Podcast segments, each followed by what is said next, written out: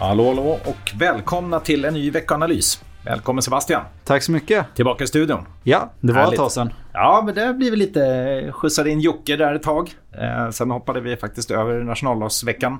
Ja. Det fanns väldigt lite att prata om allmänt så också.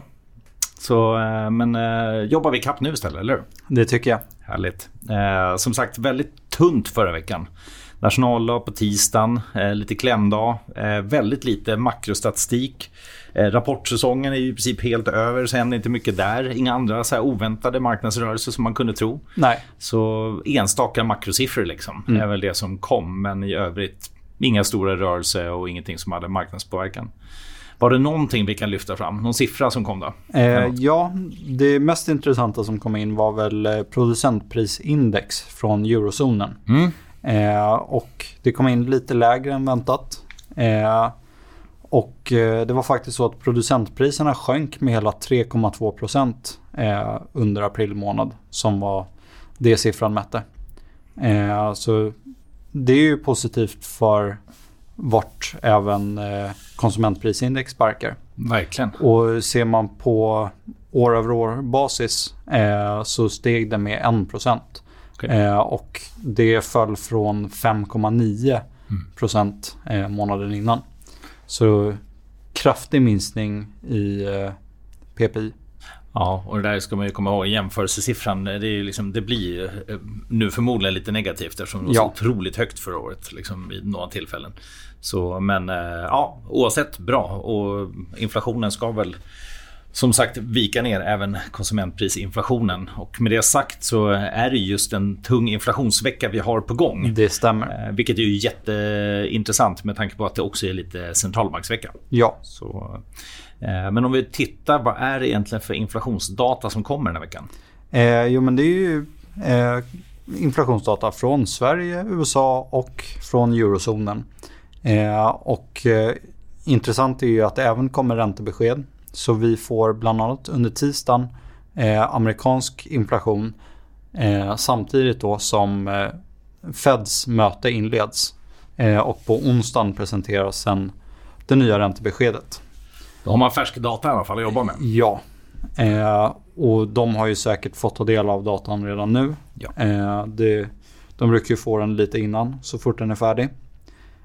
men det vi kan se är att Eh, kärninflationen väntas fortsätta sjunka lite och landa på 5,3 procent gentemot mm. föregående månads 5,5. Eh, på KPI så väntas en större minskning från 4,9 till 4,1. Eh, så det bär av åt rätt håll. Eh, mm. Eller estimaten pekar åt rätt håll i alla fall.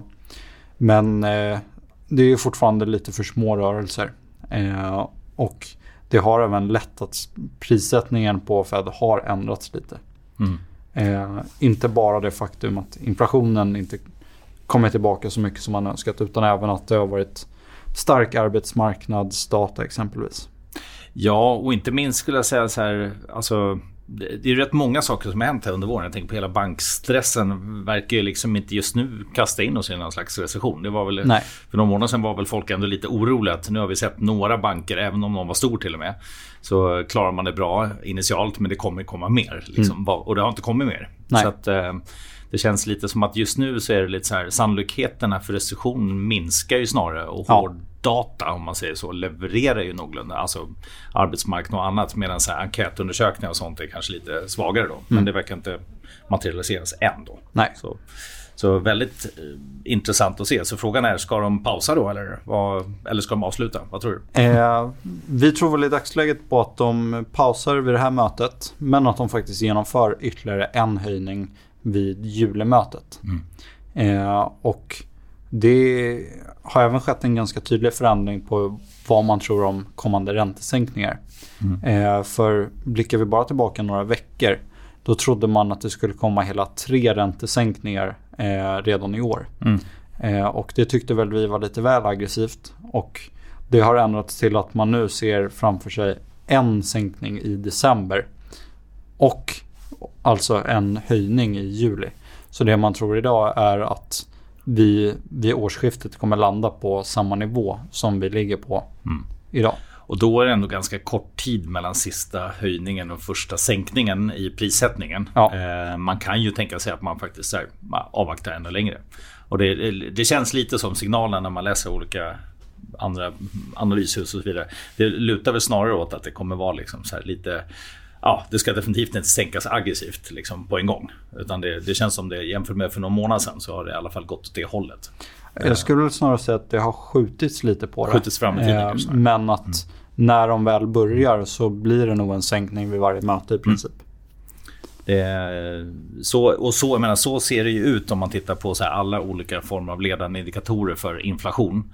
Alltså oavsett om man tittar liksom på ja, men, eh, inköpschefsindex vad gäller priser man får ut. Allt sånt pekar ju på att inflationen ska ner kraftigt. Och det är mm. väl det också man bygger på att, att uh, centralbanken ska följa efter med. Ja. Uh, sen tror jag själv att man kommer, även om man kanske sänker så tror jag inte man vill låsa sig i ett läge igen där man är liksom på en typ nollränta och liksom hamnar där. Utan man kanske avtar när man är nere på vad man tycker är en långtidsrimlig ränta. Liksom, så. Jag skulle väl tippa att man stannar någonstans 2,5-3. Ja, exakt. Det känns ju mest rimligt just nu. Men ja. sen får man se. Det, det, kan ju vara andra impulser som också påverkar. Jag tänker på till exempel Riksbanken som, där man inte vet hur det blir med svenska kronan. Liksom. Ehm, för den håller ju bara på att försvagas hela tiden.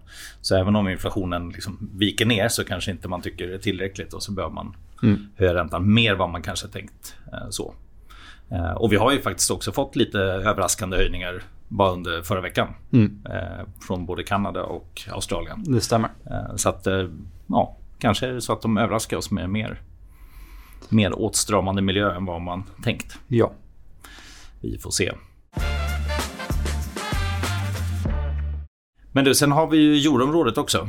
Både inflation på fredag. Det stämmer. Eh, och en ny räntehöjning, eller? Ja, det är väl det vi väntar oss. En räntehöjning nu men eh, antagligen fler eh, innan ECB är färdiga. Mm. Eh, de har ju tidigare signalerat att det troligtvis är ganska mycket mer kvar. att man har mer kvar att göra. Mm. och vi ser väl att det kommer minst två räntehöjningar till. från var vi är idag alltså. Mm. och det är väl lite vad som prisas också. Eh, skulle inte bli chockad om det till och med blir tre till. Eh, så där, där finns det mer att ta av. Eh, och Riksbanken skulle ju gärna vilja hänga med i den takten. Men de är ju också väldigt oroliga för vad för mycket räntehöjningar kan få för effekt på bostadsmarknaden. Så är det. Um, så det har ju, om man säger det som tillkommer i Sverige, förutom då svag svensk krona, är ju också oro mm. för, för faktiskt bostadsmarknaden. Och den är i och för sig inte bara i Sverige, det finns ju några länder till där det börjar vika ordentligt. Men, ja. men äh, ja, äh, jag vet inte om äh, Riksbanken tar så mycket hänsyn till det ändå. Det är nog viktigare att hålla kronan. Jag tänker att om de orsakar en kollaps på bostadsmarknaden så finns nog risken att kronan faller mer än så, vad den gynnas av högre ränta hänger ihop. Ja. Rimligt. Um, ja, och som sagt ECB. Eh, där kommer en räntehöjning. Uh, får se hur många fler det blir. Mm. Även där börjar det ju bli lite så här ja, men hushållen börjar också se lite, uh, ha lite lägre inflationsförväntningar. Vissa data som faktiskt viker. Um, men um, ja, så att vi, vi får se hur mycket de ja. går på. Då, helt enkelt. Um, vad har vi mer? Eh, väldigt tunt som sagt vad gäller börs och bolagshändelser. Det är ja. typ Svoll som har rapport den här veckan. Inget som vi kikar på så. Annars ganska mycket, ganska mycket stämmor. Eh, en del kapitalmarknadsdagen, något bolag som går ex-utdelning. Men, men rätt tunt. Utan det som är väl i fokus, nu var det inte så mycket rörelse förra veckan, men det som har varit sista veckorna är ju den enorma stegringen inom IT-sektorn. Liksom, och ja. eh, överhuvudtaget om man säger koncentrationen i i index där det i princip är IT som går och eh, tar över mer och mer. Liksom. Så... Hittills i år har vi IT-sektorn upp 37 procent mätt mm. i svenska kronor. Eh, och kommunikationstjänster upp 29. Eh, så det är tydligt det som har gått starkast. Så är det. Um, och det är liksom, ja, men uh, lägger man ihop bara de här sju största bolagen så är det ju större än de andra sektorerna ihop i princip. I alla ja. fall finans, energi och råvaror och industri. Ja, um, och, om man ser på S&P 500. Exakt, och det är ju enormt inflöde i de här uh, techbolagen fortsatt. Så mm. att, um, vi får se. Förutsättningarna ser ju bra ut men man ser ju också vissa av de här som börjar ha ganska höga värderingar. Eh, om man mm. tar Nvidia till exempel som har gått som tåget. Ja. Det är inga, inga roliga nyckeltal så. Eh, och jag tycker ju, jag som varit med länge, vissa saker påminner ändå om 99. Även om det inte gör det på totalen. Så jag hoppas inte det blir ett 99. Men eh, det är en väldigt hög marknadskoncentration och det är ju mm. på sikt inte bra eller nyttigt. Det är liksom, så är det ju med allt, eller på säga, när det är för stor koncentration. Ja. Så vi får se var det landar helt enkelt. Men eh, viktigt att poängtera är ju ändå att eh, till skillnad från hur det var 99 så gör ju många av de här stora IT-bolagen enorma vinster. Verkligen. Eh, de är otroligt lönsamma. Mm. Eh, sen just Nvidia eh, de är ju väldigt högt värderade. Mm. Men de kom ju också ut i sin kvartalsrapport för några veckor sedan. Mm. Eh, och när de guidade inför andra kvartalet så låg ju deras egna estimat på omsättningen över 50% högre vad den mm. analytiker som hade det högsta estimatet bedömde. Ja, eh, och det är på grund av att eh, nu med den AI-boom som har skett eh, så ökar efterfrågan kraftigt på just det som Nvidia är specialister på att tillverka. Absolut.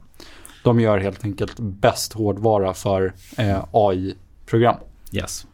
Um, och då vill jag rätta mig lite. jag är fortsatt ändå lite orolig. Inte för att det är ett 99 men för att det snarare kan bli ett 99. Mm. Så ska man väl lägga till. För det, är liksom, det finns alltid en story kring någonting. Det är ett paradigmskifte. Liksom. Det är så här, ja men nu är det AI kanske. Ja. Eh, då var det liksom någonting annat med internet. Eh, men eh, det, det, finns något bolag som jag tycker ser värderat ut. Men totalen har du helt rätt. Där finns mm. det vinster. Det fanns inte på samma sätt då. Däremot kan det ju lätt bli så. Säga att vi får en riktig tokrusning under hösten. Ja. Så skulle det mycket väl kunna bli så att det ser liksom ut som ett 99. Mm. Men ändå orolig för koncentrationen. Så ja. vi släpper det. Eh, några fler makrohändelser då. Eh, vad har vi mer den här veckan? Vi har ju pratat lite grann om inflationssiffror. Ja. Vi har detaljhandel i USA. Vi har industriproduktion i USA. Mm. Eh, kommer också detaljhandel och industriproduktion från Kina. Eh, så det är ändå, och faktiskt industriproduktion i eurozon också. Så att, eh, lite intressanta data ändå. Mm, eh, klart verkligen. mycket mer än, än eh, förra veckan. Eh, och så får vi se helt enkelt var det landar tänker jag. Ja. Har vi någonting mer avslutande? Jag tror väl att vi har egentligen täckt det, det mest intressanta som kommer ske. Ja, jag håller med. Så vi får se om det här, de här avvaktande rörelserna som ändå har varit eh, innan Fed och inflationstryck, innan det kommer viktiga grejer, så får se om de består när vi väl får beskeden. Då. Jag misstänker att vi kommer få se större rörelser den här veckan än vad vi såg förra. Det verkar helt rimligt. Och med det sagt så får vi helt enkelt tacka för oss den här gången. Ja, tackar. Ha det bra.